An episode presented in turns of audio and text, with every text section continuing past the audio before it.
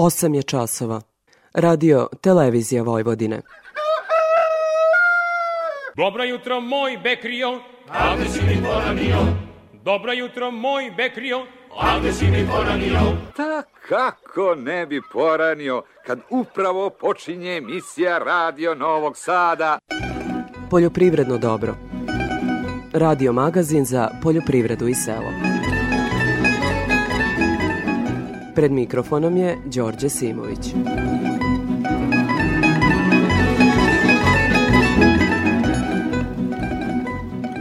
Poštovni slušalci, dobro jutro.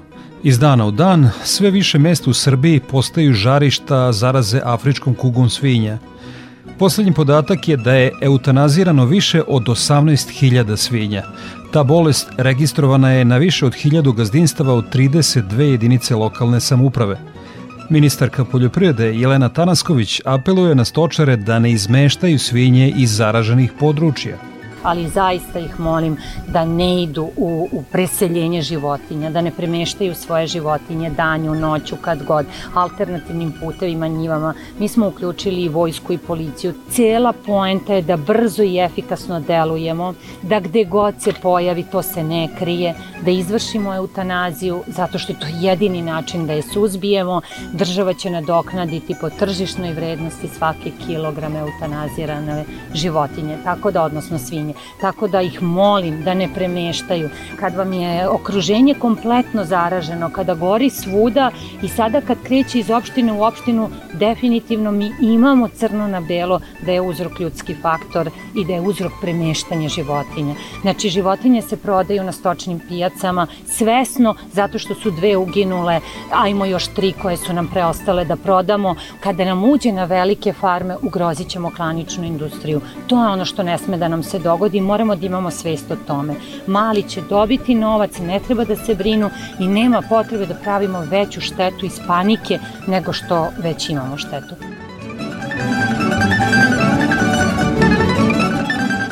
Nakon olujnog nevremena opštinske komisije procenjuju štetu na usevima i objektima.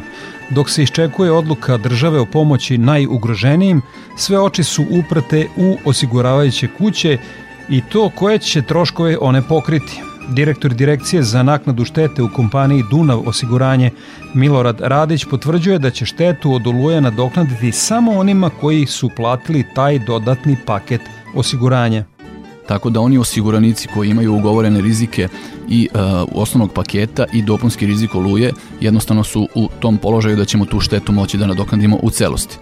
O ovome ćemo opširnije govoriti u temi emisije. Nakon sveobuhvatnog istraživanja Ekološki centar Stanište u Vršcu objavio je da je u periodu od 2014. do 2022.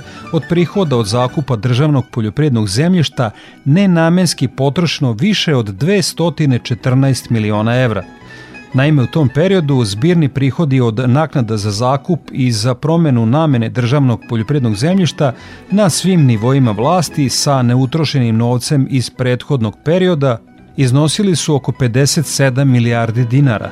Oko 32 milijarde dinara potrošeno je za mere zaštite, uređenja i korišćenja poljoprivrednog zemljišta, dok je nenamenski potrošeno više od 25 milijardi, što je više od 214 miliona evra.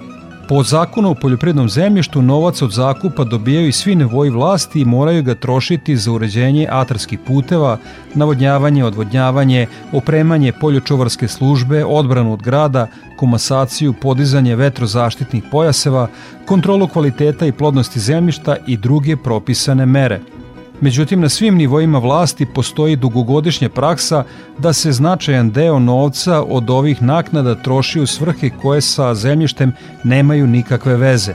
Ta praksa je poseban zamah dobila krajem 2015. godine izmenama zakona o budžetskom sistemu. Od tada prihodi od naknada više nisu namenski i mogu se koristiti u bilo koju drugu svrhu – To je naročito republičke vlasti podstaklo da slobodno u još većim iznosima nastave sa prenamenama novca, ali ovoga puta ne kršeći propise. U periodu od 2014. do 2022. Republika je nenamenski potrošila ubedljivo najviše, 135 miliona evra, pokrajina Vojvodina 15,5 miliona evra, a opštine i gradovi 64 miliona.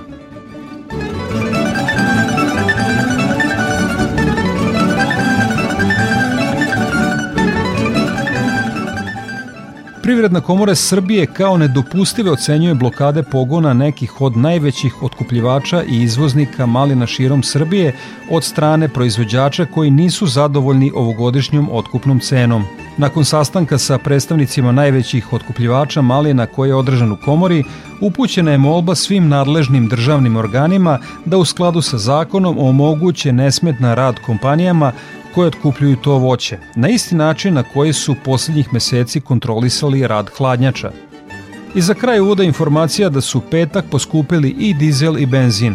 Eurodizel će do sledećeg petka na pumpama u Srbiji biti skuplje 4 dinara po litru i maksimalnog će koštati 190 dinara, a cena benzina Euro Premium BMB 95 više je za 3 dinara i litar će na pumpama maksimalno koštati 182 dinara. Eurodizel za poljoprivrednike koji imaju nisove kartice na pumpama tog dobavljača košta kao i do sada 179 dinara po litru. Ne moram da napominjem da plaćamo najskuplji eurodizel u regionu. Neznatno skuplje nego u Sloveniji i Hrvatskoj, a znatno više moramo da izdvojimo nego potrošači u Crnoj Gori, Bosni i Hercegovini i naročito u Makedoniji. Vaše sugestije su svakako dobrodošle, pa vas pozivam da nam pišete na e-mail adresu dobro.rtv.rs ili da nam svoje komentare ostavite na društvenoj mreži Facebook u grupi Poljopredno dobro. Toliko u vodu slušamo Stanišu Stošića i Lelu Vranjanku. Volela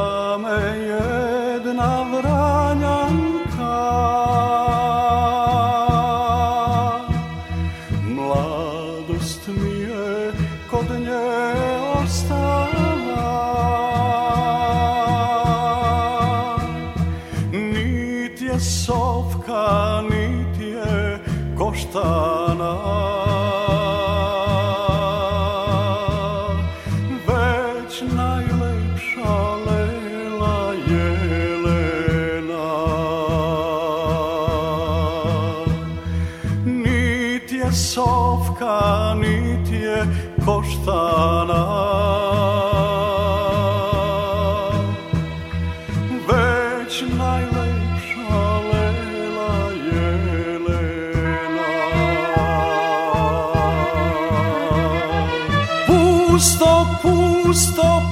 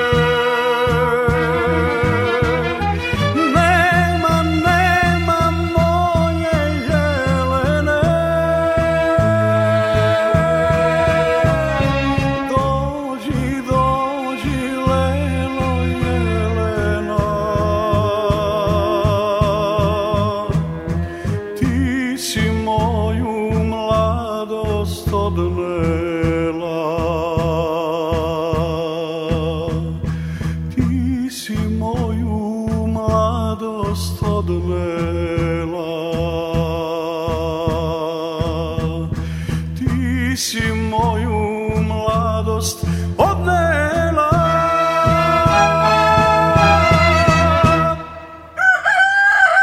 Poljoprivredno dobro.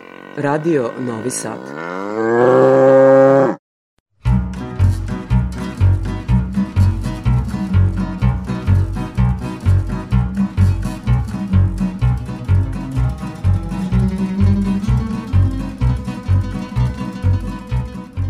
U nastavku poljoprivrednog dobra Zorica Radičević iz Hidrometeorološkog zavoda Srbije će nas obavestiti kakvo nas vreme očekuje narednih dana. Prema prognozi od nedelje očekuje se na oblačenje sa kišom i pljuskovima sa grmljivanjem koja će u nedelju tokom prepodneva zahvatiti Vojvodinu, do kraja dana će se posebno promeštiti ka ostalim predelima. Samo će se na jugu i u istoku Srbije zadržati pretežno sunčano i toplo veći deo dana. Zatim bi početkom avgusta bilo malo svežije u smenu sunčanih i oblačnih intervala i lokalne pojave kiše i pljuskova sa grmljivanjem. O aktualnoj zaštiti voća, grožđa, povrća i ratarskih useva od štetočina obavestit će nas Boško Jezerkić iz prognozno izveštene službe. U proteklom periodu došlo do povećanja ulova azijske voćne mušice na klopkama. Vremenski uslovi s padavinama koje se prognoziraju od sredine nedelje pogodovaće razvoj ove štetočine. Najugroženiji su usevi malina, kupina, borovnica, kasni sorti bresaka i nektarina i vinove loze. Sa ciljem smenja rizika od nastanka šteta od ove štetočine, u navedenim zasadima preporučuje se primjena svih raspoloživih mera kontrole, koje podrazumevaju postavljanje velikog broja lovnih klopki sa ciljem njenog izlovljavanja i smenjanja brojnosti, zatim uništavanje prezalih plodova, skraćivanje intervala berbe, održavanje ivica parcela u vidu uklanjanja divljih vrsta biljaka koje mogu biti domaćine ove štetočini, kao i krčenje napuštenih voćnih zasada. S obzirom da je u toku berba maline, kupine i borovnice, primjena hemijskih mera zaštite u ovim zasadima se ne preporučuje. U zasadima bresaka i nektarina sa kasnim sortimentom i vinogradima, gde se berba ne očekuje u narednom periodu, a aktualna zaštita od breskinog smotavca, cikadeska fideus titanus i pepeljastog rođenog muljca, te će se primjenom insekticida sa ciljem zaštite od ovih štetočina smanjiti populacija azijske voćne mušice. Ovde treba naglasiti da je u vinogradima veoma važno suzbijanje cikadeska fideus titanus. Ova cikada uočene odraste jednike su uočene lepljim novim klopkama, dok se vizualnim pregledima naličija listova uočavaju završni stupnjevi razvoja larvi. Ova cikada je prenosilac fitoplazme falescens dure, prouzrokovača zlatosto žutile vinove loze. I njeno suzbijanje bi trebalo da se provedu svi, od vlasnika nekoliko čokota do proizvođača proizvodnih zasada, kako bi se sprečilo ščinjenje fitoplazme i očuvala proizvodnja grožđa u Srbiji. Tokom ove nedelje očekuje se povećanje brojnosti krompirovog mojca, koji se prati pomoću feromonskih klopki. Povećavanjem brojnosti mojca povećava se i rizik od nastanka šteta, naročito u krajima gde se tradicionalno gali krompir i gde se već nekoliko godina unazad registruju značajne štete na jesenjim krompirima. Sada je veoma važno preduzeti sve raspoložive mere kontrole ove štetočine. Kod useva gde cima suva, krompir treba vaditi što kraćem roku, nikako ga ne treba ostavljati na parceli izložen napadu muljca. Nakon vađenja, krompir treba čuvati u skladištima u kojima je kontrolisana temperatura ispod 10 stepeni. Skladište krompira treba na svim otvorima da bude obezbeđenja gustim mrežama kako bi se spriječio ulazak odraslih jedinki i dalji razvoj muljca. U usjevima gde cima još, nije, još uvek nije propala, veoma je važno održavanje kompaktnosti zemljišta navodnjavanjem kako bi se spriječilo stvaranje pukotina i prodor željkih muljca do krtola gde polažu jaja. Takođe se preporučuje sprovođenje hemijskih mera zaštite u ugroženim regionima nekim od registrovanih insekticida. U ovim usevima gde cima još nije propala sa ciljem, ne, e, sa, sa, ciljem da još, još uvek sačuvamo, preporučuje se primjera registrovanih fungicida sa ciljem zaštite od plamenjače i crne pegavosti. Što se tiče povratarstva i ratarstva, aktualna zaštita od kukuruznog plamenca. U toku je polaganje jaja i piljenje larvi druge generacije ove štetočine. Najugroženi su usevi paprika i kukuruza šećerca, semensog i merkatilnog kukuruza. Preporuka je pregled usevi po portari prisusta jajnih lega u usevima paprike i posljednju praga štetnosti u usevima kukuruza, koji iznosi 10% biljaka s jajnim leglima kod merkatilnog kukuruza i 5% biljaka s jajnim leglima kod semenskog kukuruza šećerca, primjera nekog od registrovanih insekticida na bazi hlorantraniliprolora ili hlorantraniliprola i lambda cihlorotrina ili spinektorama ili indoksakarpa. Za sve detaljne informacije o izboru preparata i ostalim nepesticidnim merama kontrole štetnih organizama u poljoprivrednoj proizvodnji možete pogledati na portalu prognozno izveštene službe za zaštitu bilja na adresi www.pisojedina.com odakle se javlja Boško Jezerkić. Uživamo uz pesmu Dimitrije Sine Mitre u izvođenju Vasilije Radojčić.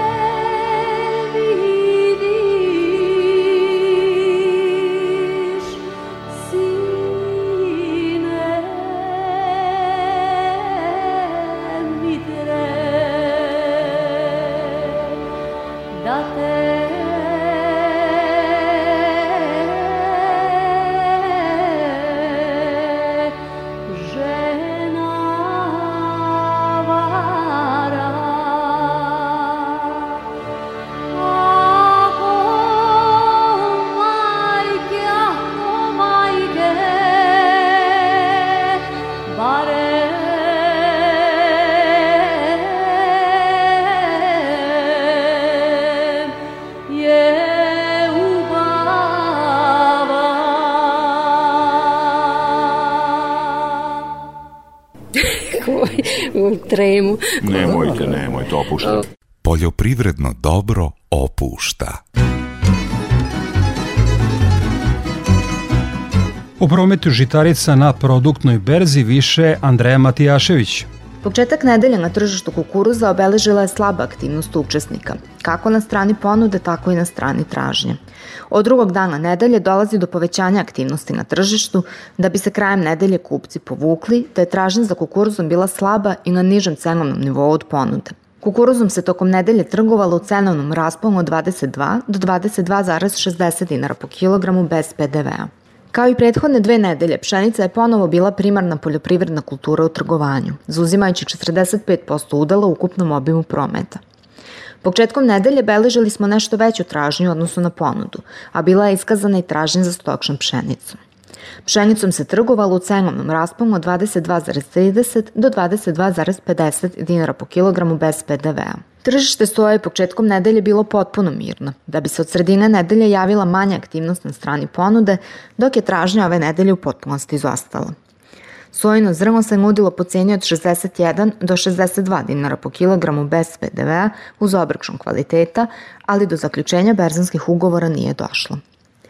Na tržištu uljane repice tokom čitave nedelje je bila primetna veća tražnja u odnosu na ponudu, koja je bila slaba ili je u potpunosti izostajala. Uljanom repicom se trgovalo po ceni od 45,71 do 45,72 dinara po kilogramu bez PDV-a, odnosno 390 evra po toni bez PDV-a. Tržište sokčnog ječma je tokom nedelje bilo veoma mirno.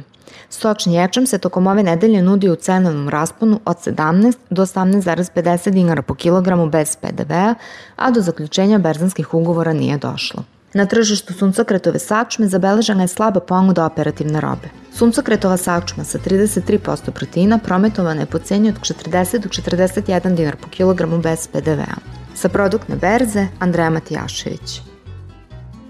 Nakon izveštaja sa produktne berze, Gordana Jeličić iz Infotim Logistike obavestit će nas o trendovima na tržištu stoke. Sve cene su bez uračunatog poreza na dodatu vrednost. Tokom nedelje naši saradnici tovne svinje sa farme su oglašavali po ceni od 240 do 255 dinara po kilogramu, tovljenike sa mini farme po ceni od 231 do 245 dinara po kilogramu, a tovljenike iz otkupa po ceni od 230 do 232 dinara po kilogramu. Ukupno je na tržištu ponuđeno oko 2000 tovljenika. Tokom nedelje pregovori za tovne svinje sa farme postizani su po ceni od 240 dinara po kilogramu. Za iduću nedelju klaničari će plaćati farmsku robu po istoj ceni kao i ove nedelje, 240 dinara po kilogramu. Prasaca farme oglašene su po ceni od 550 do 630 dinara po kilogramu, prasaca mini farme po ceni od 370 do 450 dinara po kilogramu, a prasad iz otkupa po ceni od 330 do 350 dinara po kilogramu. Prasad za klanje po ceni od 500 dinara po kilogramu je nuđeno. U ponudi smo imali oko 1000 prasadi. Pregovori za prasaca mini farme bili su u rasponu cena od 400 do 450 dinara po kilogramu. Nazimice za priplod F1 bile su ponuđene po ceni od 50.000 dinara po komadu. Jagnjac su ponuđena po ceni od 314 do 370 dinara po kilogramu, ovce za klanje ponuđene su po ceni od 167 do 185 dinara po kilogramu.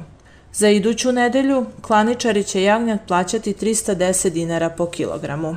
Bikovi rase Holstein oglašeni su po ceni od 305 do 315 dinara po kilogramu, a bikovi simentalci po ceni od 315 do 326 dinara po kilogramu.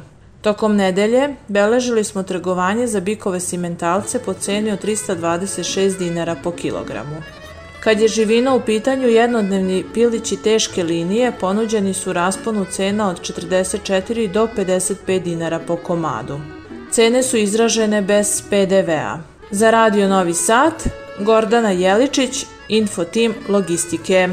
Slušamo Nestora Gabrića i pesmu Zarasle su staze moje, pa u temi emisije govorimo o nevremenu i o tome koje štete će pokriti osiguravajuće kuće. Zarasle su staze moje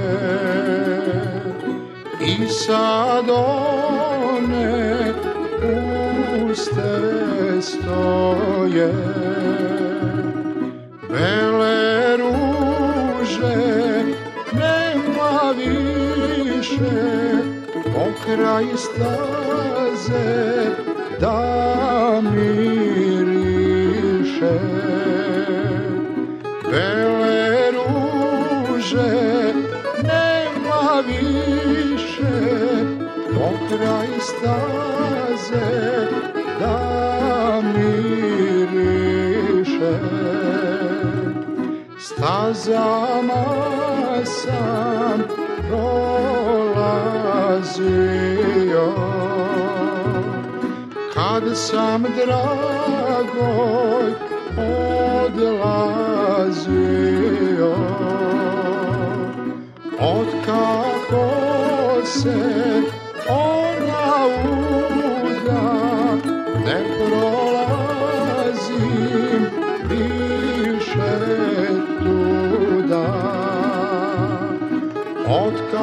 kako se ona uda ne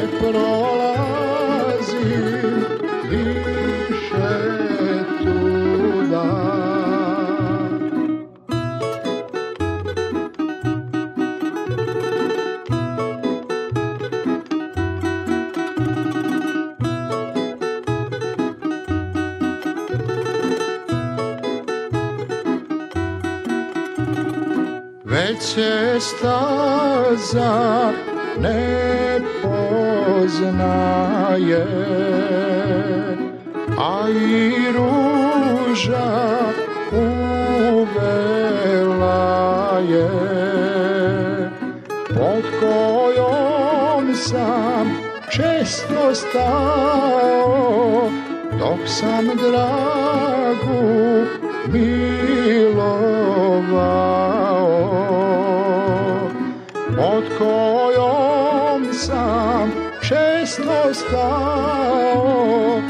sam dragu milovao.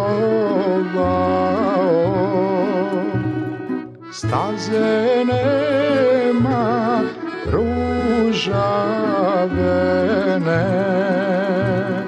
draga nije pokraj mene. Ostala mi samo se sećam uspomena. Ostala mi samo sena da se sećam uspomena. Tema emisije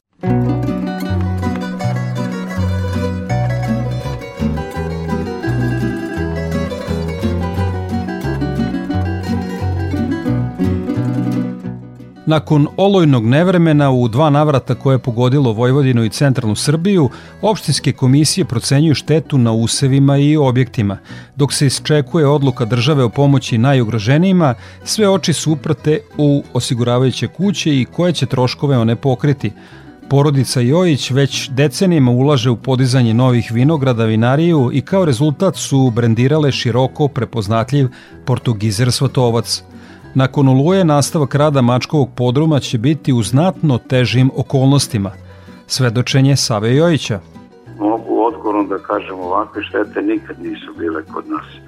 Nama u Mačkovom podrumu je mnogo štete naneto na vinogradima, ali na jednoj parceli od 2 hektara nam je sve uništeno stubovi su se polomili i povaljani je vinograd, redovi su povaljani sa zemljom. Ne da je neki stup polomio se sve do jednog, 9400 čokota, 1490 stubova, sve, sve je povaljano. To je takav snažan i razoran napad nevremena bio da vinogradi nisu mogli da se odupru. Na sreću nisu svi vinogradi uništeni, ne samo kod nas, uopšte na Fruškoj gori je ostalo i voćnjaka i vinograda i ratarskih kultura neuništenih, ali ovaj vetar koji je duvao, on je bio onako u kovitlacu se čitavao kao neki vihor ili bio je sav zbrkan sa svih strana. Ja sam to vreme bio u mestu, u svojoj kući u dvorištu. Nije moglo uopšte da se oceni odakle duva, čas sa zapada, čas sa istoka. Tu nije bilo pravila. Mi ovde za naš kraj znamo kada duvaju vetrovi, ovi severozapadni, odakle ide šteta, odakle ide nevren. Ovo je sad bilo sa svih strana. To je strašno. Mislim da nikad tako nešto do sad nismo imali. Veoma je bolno mnogima. Ja sam i u kontaktu. Neki ljudi će biti potpuno uništeni, neću da kažem ekonomski, ali će im voćnjaci biti uništeni kao da nikad nisu ni postojali. E, ratarske kulture su dosta stradale, ali ako ipa, iak uopšte postoji olakšavajuća ili manje bolna okolnost je to da se to iduće godine može ponovo obnoviti. Mi, voćari i vinogradari, ne možemo da iduću godinu obnovimo. Ne možemo sad ove godine da zasadimo pa da imamo sutra i jabuku i krušku kajsiju. A ono što posebno nam je problem, to je nedostatak radnika koji hoće da rade, da ih angažujemo na vađenju tih poledenih stubova, na izvlačenju žice, skidanje mreža. Mi nemamo tih radnika ovde. Tu i tamo se pojavljuju neki vladnici sa juga Srbije, ali tu nailazimo na jedan drugi moment koji je takođe za nas, prosto ne znam kako će ko, možda neko i može da reši, a to je cena rada. Ljudi sada za 8 časovno radno vreme otprilike traže 50 evra na dan. To je za nas nezamislivo. Naši proizvodi ne mogu da opravdaju tu cenu. Ne bi me iznenadilo da kod nekih voćara ili vinogradara, govorim o ovim voćarima i vinogradarima autohtonim, ne govorim o voćarima koji su došli iz neke ko zna koje sfere, oni verovatno će to lakše uraditi. Ali naši ovde, zemljoradnici, seljaci, neki neće moći da očiste njive i dve, tri godine. Nemaju akumulaciju i nemaju mogućnost da uzmu kredite, a i kad bi uzeli kredite, ne vidim iz kojih izvora mogu to da vrate. Naši proizvodi, grožđe, jabuka, breskva, vino, ne mogu da plate 50 evra na dan, a da ne kažem recimo da su mi izračunali da nam za čišćenje ta dva hektara po sadašnjim cenama i brzinom treba oko 60.000 evra. Mi nemamo odakle da izbatimo tih 60.000 evra. Prosto godinama ćemo to čistiti. Mislim, kako? Možda nikad nećemo ni vratiti. Jojić kaže da opštinska komisija u Iregu već popisuje štetu. U opštini sam uzeo obrazac koji treba da popunim o nastaloj šteti Na osnovu obrazca će opštinske komisije za utvrđivanje štete u poljoprivredi obići, snimiti i dati nadalje rešavanje. Očekujemo razumevanje. Ne očekujemo mi ni od kog da nam pokrije svu štetu. Direktor Direkcije za naknadu štete u kompaniji Dunav osiguranje Milorad Radić potvrđuje da njihovi procenitelji ovih dana imaju jako puno posla i navodi koji su prioriteti. U uslovima uh, katastrofalnih elementarnih nepogoda koje su zadesile našu zemlju, uh, pred uh, nama su ozbiljni izazovi u smislu brzine obrade odštetnih zahteva, brzine izlaska na procenu štete, gde su nam prijavljen više, više hiljada odštetnih zahteva nam je podneto, više hiljada naših osiguranika očekuje da budemo tu u najkraćem mogućem roku, što je jednostavno sa naravno ograničenim kadrovskim potencijalom, ograničenim resursima neizvodljivo. Trudimo se da budemo uh, u dobroj komunikaciji sa našim klijentima, da uh, određujemo prioritete prema nekim stvarnim potrebama, da naše službe, naši procenitelji su uh, svakodnevno i bukvalno po ceo dan na terenu. Očekujemo da negde u najkraćem nekom mogućem vremenu. Ja sad ne mogu u ovom momentu da kažem e, za koliko dana budući da nam e, prijave i dalje pristižu. Jednostavno nismo u mogućnosti da u toku nekog redovnog radnog vremena ni prijavimo bukvalno sve oštetne zahteve, a kamoli da ispoštujemo te procene, ali se trudimo da budemo u maksimalno dobroj komunikaciji s klijentima, da dajemo povratne informacije, da u dogovoru sa njima određujemo prioritete, da prema njihovim stvarnim potrebama zaista se trudimo da budemo prisutni, da pošaljemo poruku da smo prisutni i da ljudi jednostavno nemaju potrebe potrebe da brinu. Radić potvrđuje da će štetu od oluje nadoknaditi samo onima koji su platili taj dodatni paket osiguranja. Ono što treba znati, što je važno da ljudi znaju, a to je da oluja predstavlja dopunski rizik u osiguranju, ne ide kao osnovni rizik uz požar grad, već kao dopunski rizik koji se posebno ugovara, znači neophodno je da osiguranik napomene našem agentu ili mu naš agent ponudi pa on potvrdi da želi da ugovori dopunski rizik oluje. Mi mahom imamo osiguranje bez tog dopunskog rizika, ali imamo nešto osiguranja i sa tim dopunskim rizikom. Bez obzira na samo oluju, mi imamo izuzetno visok broj broj oštetnih zahteva e, samo ako gledamo grad koji je padao uz ove olujne nepogode od pre neki dan i onaj grad od 13.7.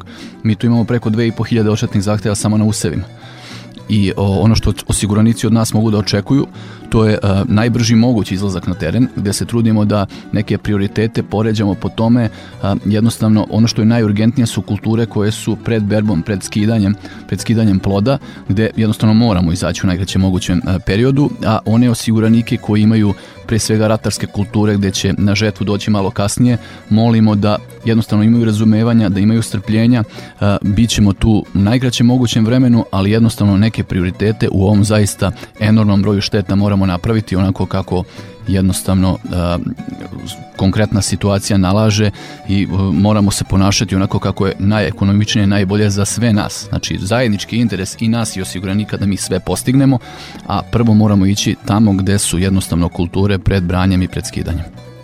Ekonomski novinar Živan Lazić kaže da kod nas ne postoji velika tradicija osiguranja useva. Ona pominje da je veliki problem sektora osiguranja kod nas to što osiguravajuće kuće naplaćuju premiju osiguranja, potom i procenjuju štetu kada se ona desi, a što bi trebalo da radi nezavisna proceniteljska komora pre svega ne postoji neka velika tradicija i, ne, i, i osiguranja, nikako nas to nije bilo nešto posebno razvijeno, a drugi ipak je osnovni uzrok, je pozicija procenitelja štete. Svuda u zapadu to je samostalno, oni imaju samostalnu poslovnu poziciju, to su poslovni subjekti koji žive samostalno, a uh, kod nas su oni deo osiguravajuće kuće, dakle oni koji uzimaju premiju, a potom ako bude potrebe ispačuju štetu osiguranja. Time je pozicija osiguravajuće kuće u odnosu na osiguranika dominantna.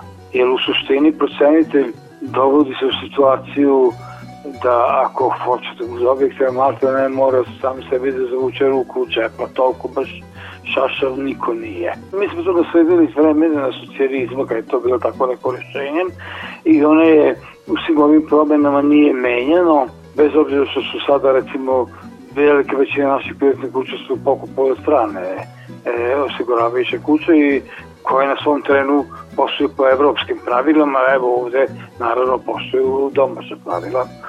To je razlog zašto je kod nas jako, jako malo osigurano, pogotovo ajde šta što ovog zemljišta se osigurava recimo do 15%, ali tada se kad se, se malo ušlo u strukturu ko osigurava, to su ono velike gase koji imaju na hiljade ili na stotine hektara zemljišta i ima kad se desi, desi nesreća, to je velika svota novcevići same veličine posjeda e, i one ne smeju da se ipak igraju i dovode u pitanje nešto. Ali ovi seljaci to oni ne moraju to mnogo. Znate, postavlja se pitanje šta sa osiguranjem kod neko ima do 3-4 hektara, da, recimo 40% uh, imanja u Srbiji je do 3-4-5 hektara.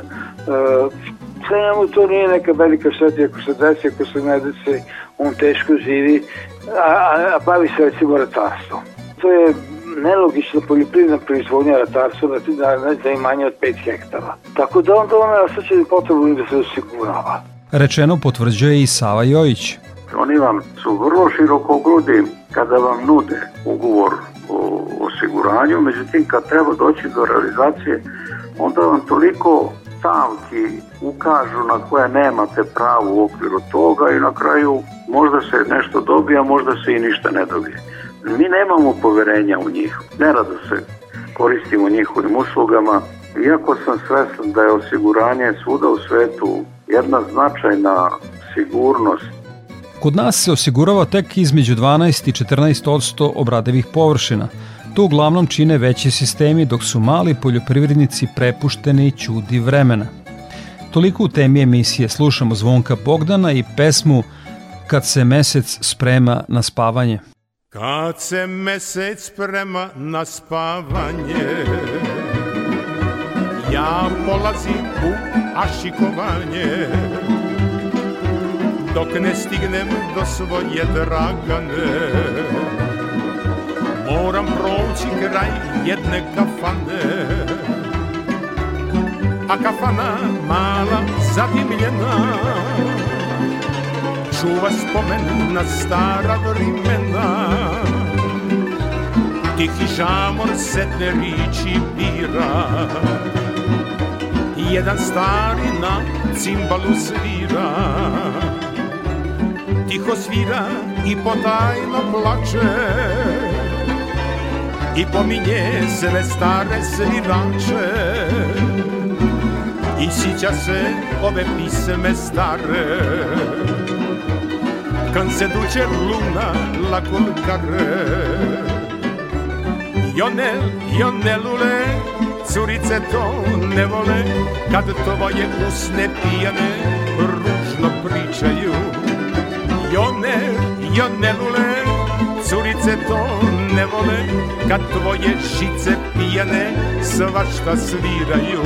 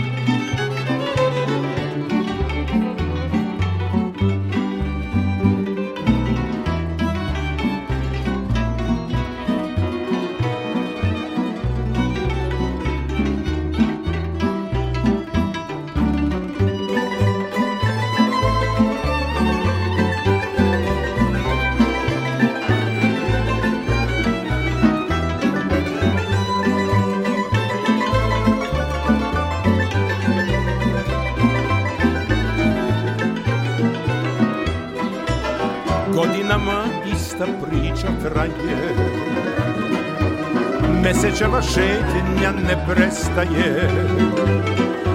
Ja i dalje idem na tu stranu. Moram se vratit u istu kafanu.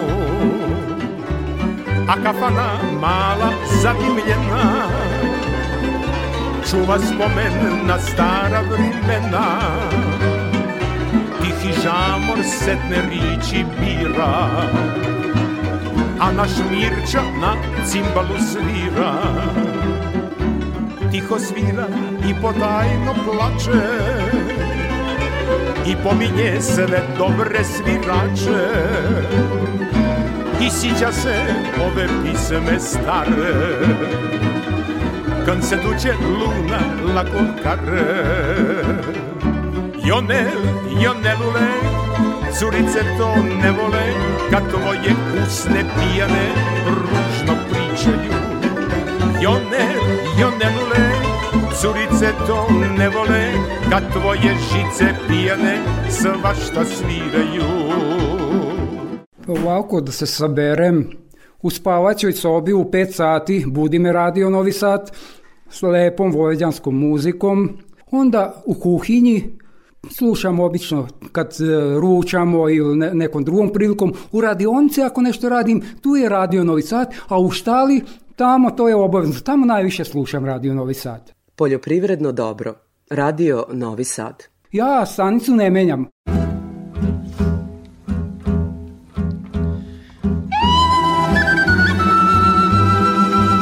Gotovo svako veće poljoprivredno gazdinstvo posjeduje trimer za košenje trave. O tome kako pravilno održavati te mašine za Radio Novi Sad govorio je stručnjak za poljoprivrednu mehanizaciju i opremu Dragan Lazić iz firme Braća Lazić u Kosjeriću.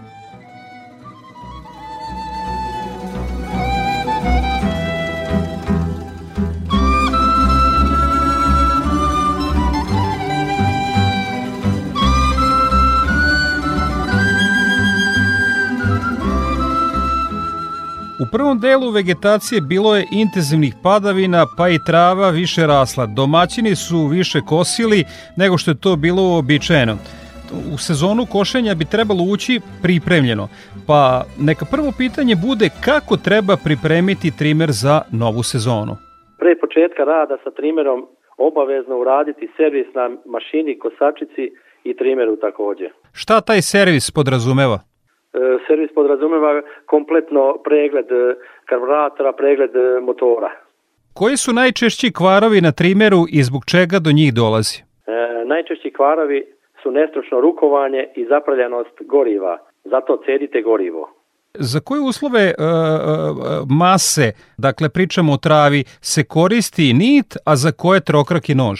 Nit se koristi za niže trave a za velike i visoke trave sa korovom koristiti trokrak i nož. Rukovodci različito koriste gas, neki gotovo da ga drže pod punim opterećenjem i tako kose, dok drugi samo svakim novim zamahom dodaju gas. Kako je pravilno? Samo sa svakim zamahom dodavati gas obavezno. Treba da stane na kraju, da udahne on vazduh i da nastavi dalje. Znači svako napadanje materijala obavezno dati gas kad završite izlazi iz trave, pustiti gaz da on udahne. Znači da smiri motor pa krenuti ponova. E, opet neki sa niti kose sa desna na levo, a neki u oba smera, znači kose pa opet vraćaju i tako dalje. Kako je pravilno? Pravilno je kositi u oba smera. Dakle, dakle ne, nema problema sa desna na levo i onda vraćamo sa, sa leva na desno. I kako idemo napred, tako i nazad. On nema praznog hoda. Kosi i levo i desno. Kako pravilno odabrati debljinu i oblik niti spram trimera? Po snazi motora odrediti debljinu niti. Crvena kockasta štil 2,7 seče najbolje. Imamo i niti različitih proizvođača. Koje su najkvalitetnije? Od najtanje do najdeblje štilove su najkvalitetnije niti. Koliko često treba podmazivati e, glavu trimera? Posle svakih 10 rezervara podmazivati glavu trimera. I to samo, pretpostavljam, sa, samo sa originalnom mašću? Samo originalna mašć, štil na, na svoje mašine najbolje podnosi jako temperaturu, veliku temperaturu i, i brzinu. A šta se, šta se dešava recimo kad bi, kada bi glava ostala uh, nepodmezana? Propadne ležaj i onda ide prenosna glava, cela ide menja se glava. Imamo situaciju kada ljudi naprave smešu recimo nekim balonima od 5 litara i ne potroše ovaj e, odmah tu smešu. Koliko dugo je optimalno da se koristi e, napravljena smeša goriva i ulja? A najbolje je desetak do 15 dana i da ne stoji e, balon da ne stoji na suncu. Kakvi se procesi dešavaju kada ostane recimo to duže? Da imamo i oni katastrofalni primjera kada ljudi ostave smešu s jeseni pa iskoristi na proleće. To ne valja. E, znači koristiti od desetak do 15 dana mešavinu koja je napravljena sa uljem. Ili ako već stoji duže, dodati još 1% ulja u mešavinu. Kako pravilno odabrati trimer za gazdinstvo, da ne bude preslab, a opet sa druge strane da se e, ne investiramo previše? E, najbolje je dati tačne podatke trgovcu šta ćete raditi, raditi sa tim trimerom i odmah ćete dobiti povratnu informaciju e, koji trimer vam najviše odgovara da ne kupujete veliki trimer za male površine ili obrnuto. I zanimljivo bi bilo da čujemo i od vas kao iskusnog servisera kako konzervirati na kraju sezone trimer do sledeće godine. Trimer treba isprazniti gorivo, upaliti ga, držati mu gas dok ne potroši sve iz sistema, benzin da se potroši sav iz sistema za motor i ostaviti ga tako do prolećne sezone. Šta može da se desi kada preko zime ostane e, mešavina u rezervoaru? Kada ostane mešavina u rezervaru, benzin se ispari, iz karburatora benzin se ispari, kondez, stvori se kondez i zarđa unutra kompletan mehanizam za karburator u karburatoru unutra. Svako veće domaćinstvo maltene ima trimer, e, e, ali trimere treba i servisirati. Koliko danas u Srbiji ima dobrih obučenih servisera da odgovore na takve izazove? Svako mesto ima, ima po jednog dobrog servisera, tako tako i u okolini našoj. Znači nije nikakvi problem naći svaki ovlašćeni stilov serviser može uraditi servis na svakom trimeru bez problema. Sagovornik u programu Radio Novog Sada bio je stručnjak za poljoprednu mehanizaciju i opremu Dragan Lazić iz firme Braća Lazić u Kosjeriću. Hvala vam na korisnim savetima i svako dobro. Hvala i vama. Šumadija je nekada bila poznata po gajanju autoktone rase svinja Moravke. Pre 200 godine većina domaćinstava držala je moravke koje su bile puštene po šumama, a knez Miloš Obrenović upravo je bio poznat u Evropi po trgovini tim svinjama. Danas nekolicina gazdinstava u Šumadiji gaji moravke koje su poznate po kvalitetu mesa. Ana Rebić, U velikim pčelicama pokraj Kragujevca Zoran Stamenović drži oko 60 moravki koje su slobodno puštene i hrane se isključivo prirodno bez koncentrata. Zoran je novu držanju moravki pre godinu dana odlučio je da na svom gazdinstvu ima ovu autohtonu rasu svinja od kojih pravi mesne prerađevine visokog kvaliteta. Meso im je vrhunsko, znači e, ono je tako raspoređeno e, to je sorta koja ima znači slanina, meso, slanina, meso, tačno se prepoznaje. Znači, ko i ole malo zna šta je moravka, on će tačno da vidi da je to meso od nje. Mas je sigurno zdravija od svih drugih sorti. Kvalitet se vidi. Vidi se, to je čisto bela mas, znači vidi se, brzo se steže, ne osjeća se kad se kuva, kad se prži, ništa. Znači, stvarno, vrhunski je kvalitet. Meso se prerađuje na tradicionalan način, drži se usoljeno 20 dana, a onda se suši na bukovini. Zoran ima asortiman različitih proizvoda od mesa, a sve zavisi od potražnje. Mi e, kao gazdinstvo nemamo pravo klanja, znači moramo prvo da koljemo u ovlaštenoj klanici.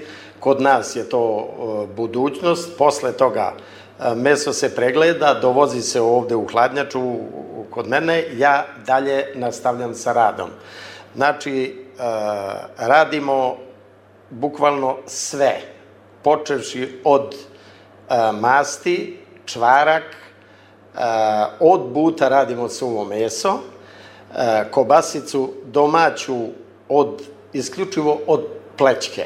Znači, nema nikakvih dodataka, samo začini, so i meso. Suva pečenica, suvi vrat, slanina, čak i takozvanu sapunjaru slaninu, znači koja je čista i dosta se traži. Još radimo zavisti od kupaca, znači suva rebra, koske, Kakav je, kakva je potražnja. U tovu se nalaze moravke do 120 kg, a prostor koji je ograđen za tov kod Zorana može da primi do 150 svinja, tako da je u planu i uvećanje njihovog broja. Velika su ulaganja u to jer a, ovo su a, sorta svinja koje ne napreduju tako brzo kao Yorkshire ili a, ne znam ove druge sorte. Da bi dostiglo kilažu neku od 110-120 kila potrebno je najmanje 13 meseci.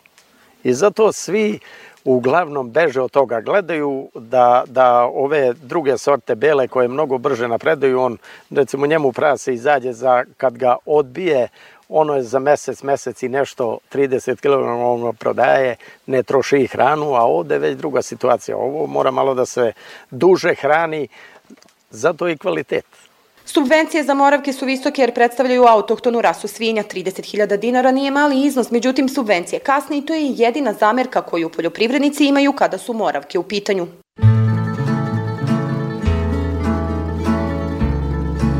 I za kraj emisije još jednom će nas Zorica Radičević iz Hidrometeorološkog zavoda Srbije obavestiti kakvo nas vreme očekuje naredni dana.